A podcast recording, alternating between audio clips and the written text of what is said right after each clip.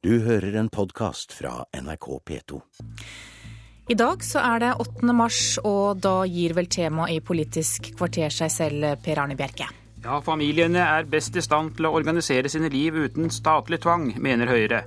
Ingen likestilling uten fedrekvote, svarer Arbeiderpartiet.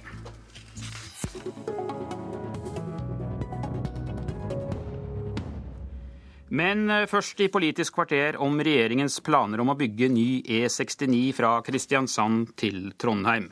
Store deler av denne gigantutbyggingen er det bilistene som selv skal betale med bompenger. Nestleder i Høyre Bent Høie, synes du det er en god eller dårlig idé at bilistene skal betale opptil ni av ti kroner for å få veien bygget? Ja, Rogfast som du der snakker om, der er det et godt trafikkgrunnlag. Vi betaler veldig mye på ferjer der allerede. Og det å få kjøre i en eh, tunnel istedenfor å ha en vei som er, men har kolonnekjøring på 24 timer i døgnet, det, da er det bedre å betale på, på tunnelen i noen år enn å betale på ferja til evig tid. Nå skal vi høre hva en av dine mulige samarbeidspartnere etter valget, Bård Hoksrud Fremskrittspartiet, mener om bomfinansiering. For det første så er dette et kjempelønnsomt eh, prosjekt for samfunnet. Og da er det dumt å kaste bort mange milliarder kroner rett ut av vinduet for å betale for renter og innkrevingskostnader. Så vi mener at så lenge det er et så lønnsomt prosjekt, så bør staten fullfinansiere dette. Hvor skal du ta pengene fra, da? Så Vi kan ta noe av oljeinntektene. Dette er et prosjekt som vi bruker flere år på å gjennomføre. Men dette er så lønnsomt, og det har beregninger vist, at dette må vi bare få på plass. Og det handler faktisk om å bygge landet vårt, og da må vi bruke noen av oljeinntektene på å bygge landet vårt. Bent Høie, hvordan skal du få Fremskrittspartiet med på å finansiere veien med bompenger?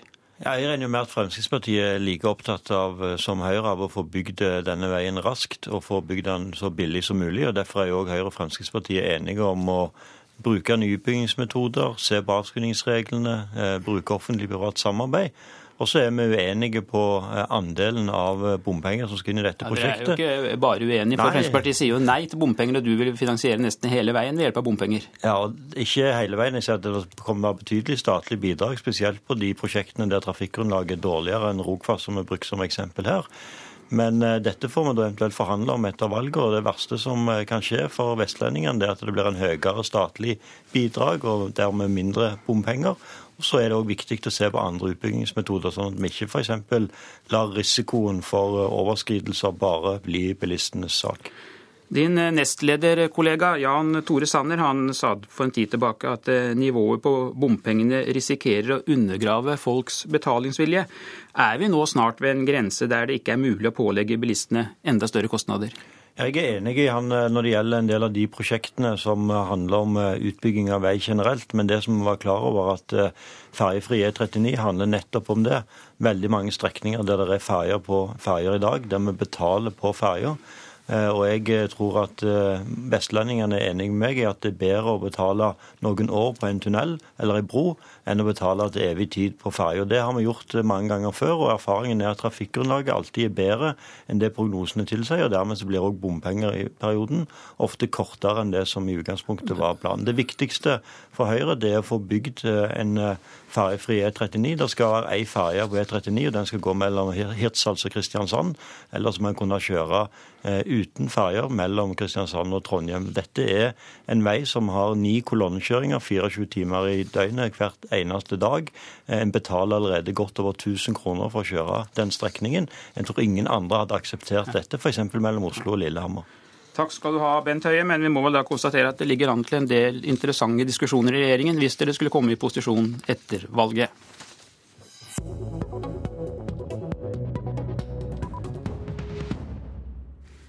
Ja, jeg må nesten begynne med å si gratulerer med dagen til dere som nå har tatt eh, plass her i studio. I dag feirer, feirer kvinner landet over 8. mars. Både venstresiden og høyresiden engasjerer seg. Men de er langt fra enige om hvilke krav som er best for å fremme likestillingen. Synet på fedrekvoter er et av temaene som eh, splitter kvinnene. Nestleder i Arbeiderpartiet, Helga Pedersen, hvorfor mener du at staten er bedre egnet enn familien til å avgjøre hvordan mor og far skal fordele foreldrepermisjonen? Jeg mener at norske mødre og fedre er fullt ut i stand til å finne ut hvordan de skal organisere sin eh, hverdag. Men dersom kvinner og menn eh, reelt sett skal ha lik mulighet til å være sammen med barna sine, og også ha like muligheter i arbeidslivet, så er det viktig at vi legger til rette for at både mor og far kan være hjemme med barna når de er eh, små. Og det vi ser fra Danmark, der har jo undersøkelser vist at et flertall av danske menn ønsker å være sammen med barna når de er små. Men etter at den borgerlige regjeringa i Danmark fjerna fedrekvota, så er det bare et mindretall av danske menn som faktisk benytter seg av den ordninga. Og, og, det eh, viser for meg at valgfriheten må faktisk stimuleres. Julie Brodkorp, du leder Høyres kvinneforum og vil at familien selv må få avgjøre om mamma eller pappa skal være hjemme. Hvilke erfaringer har du som tilsier at det er far som da kommer til å være hjemme? Nei, altså Blant annet så er jeg administrerende direktør i et uh, lite selskap. og Der ser jeg at for meg om jeg ansetter nå en småbarnsfar eller småbarnsmor, er egentlig det samme. Fordi begge tar uh, permisjon. Og Det jeg også ser, er at det mm, småbarnsfamilier i dag uh, trenger, hvor de aller fleste av oss er begge to utarbeidende 100% det er mer fleksibilitet og ikke mer rigiditet. Og Da er det noe med å ha respekt for at hver familie vet sannsynligvis sannsynligvis nok om seg selv til å klare å organisere det på en god måte, mens vi politikere har mindre informasjon om hver familie og må derfor respektere at familiene er ulike. Jeg mener det blir helt feil å gå inn i denne debatten med utgangspunkt i at alle tenker som eh, akademikere bosatt i Oslo. Norske fedre og mødre er veldig sammensatt. De har mange forskjellige arbeidsplasser. Og vi skal stå opp også for bilmekanikeren som ønsker å være hjemme med ungen sin når den er eh, liten.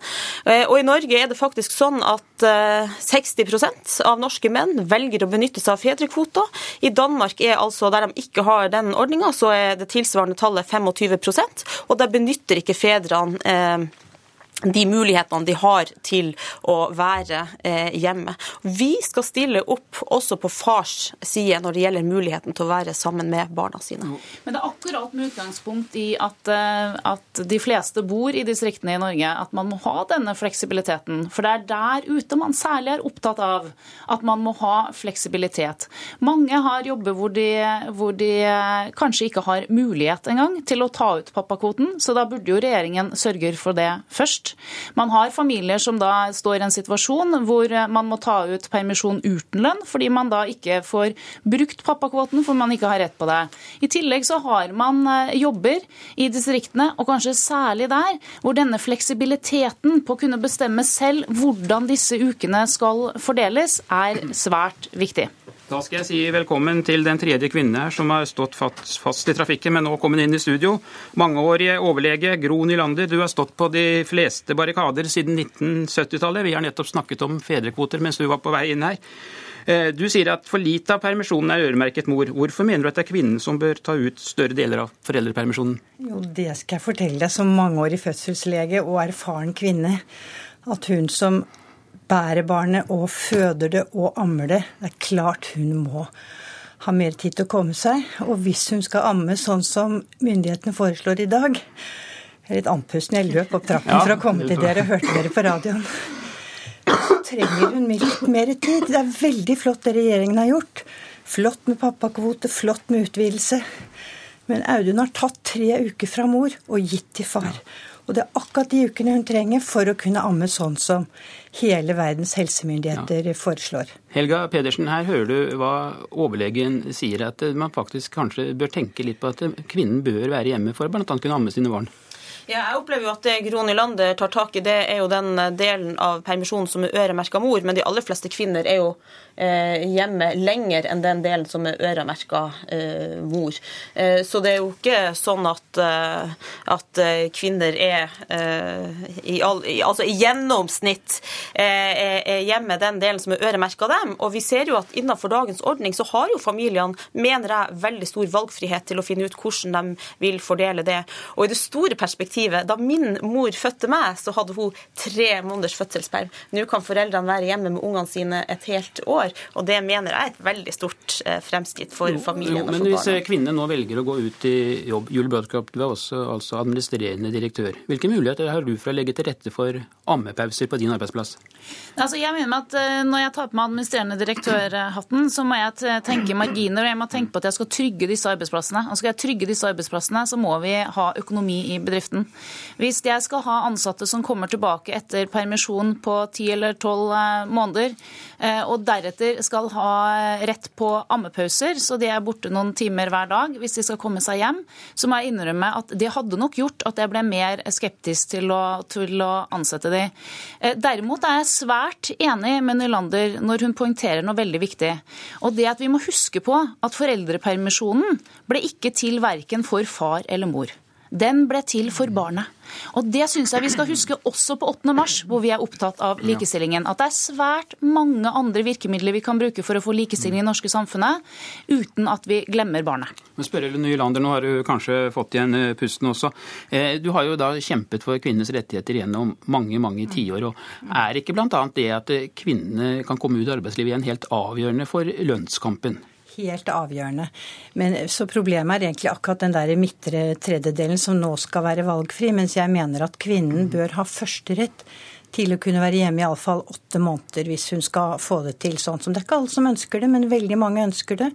Og sånn som det er nå, så oppfører på en måte eh, politikerne seg som om alle familier er demokratiske og likestilte og sånn. Vi begynner jo nå å se kvinner som føler seg jaget ut. Mannen hadde lyst til å være hjemme med dette barnet, og de er kjempesåre og de er triste. Og de sier akkurat når det begynner å bli deilig, og vi er over krisen, og jeg begynner å få blodprosenten og ammingen går greit, så skal jeg ut. Så kvinnen må få førsterett til den delen også. Helga Pedersen, er det ikke det dere gjør? Jager kvinnene ut? Nei, det gjør vi ikke. Nå har vi øremerka eh, veldig tydelig den første delen til mor. Vi har en fedrekvote eh, til eh, far, som det er stor tilslutning om, opplever jeg, i det norske samfunnet, både blant fedre, mødre og arbeidslivets organisasjoner, ikke minst. Og så er det en stor bolk på midten som foreldrene kan fordele. Og vi ser jo at det fortsatt er sånn at det i all hovedsak er mor som tar også den biten konflikten. Og så erkjenner jeg at her kan være enkelttilfeller som opplever det eh, annerledes. Men jeg tror det er veldig eh, viktig da å si at den, at, i det systemet vi har i dag, så er det meget stor valgfrihet for familiene til å organisere sin hverdag. Vi skal over til et annet tema som eh, preger 8. Eh, mars i dag, som for 40 år siden. og Det gjelder abortsaken. Etter at Høyres programkomité nå har varslet innstramning i abortloven, slik at alvorlig sykdom hos foster etter 12. svangerskapsuke ikke skal være en selvstendig grunn. I Dagbladet i dag så støtter Erna Solberg dette forslaget, og Julie Brodkorp, er du enig eller uenig med partilederen din? Nå kommer det et nytt programforslag eh, på mandag, som blir offisielt da. Da må jeg ta det til Høyres eh, kvinneforum. For Høyres kvinneforum er ikke meg, det er fylkesleder over hele, hele, hele, landet. Det jeg har uttalt meg om, var det første programforslaget hvor det sto at man skulle da ha, hvor det sto eugenisk indikasjon. Det jeg er opptatt av i denne kampen, det er at vi ikke skal svekke abortlovgivningen. Jeg var faktisk en av de som selv for ett år siden eh, tok det prinsipielle standpunktet her, etter å ha hatt en prosess i Kvinneforum om abortloven, om hva eh, dette ville ha å si for kvinner. Etter å ha møtt mange av disse familiene, så har jeg kommet til at dette handler ikke verken om prinsipper hos Marx eller Burke. Det handler om å la kvinner og familier ta valg ut fra sin situasjon.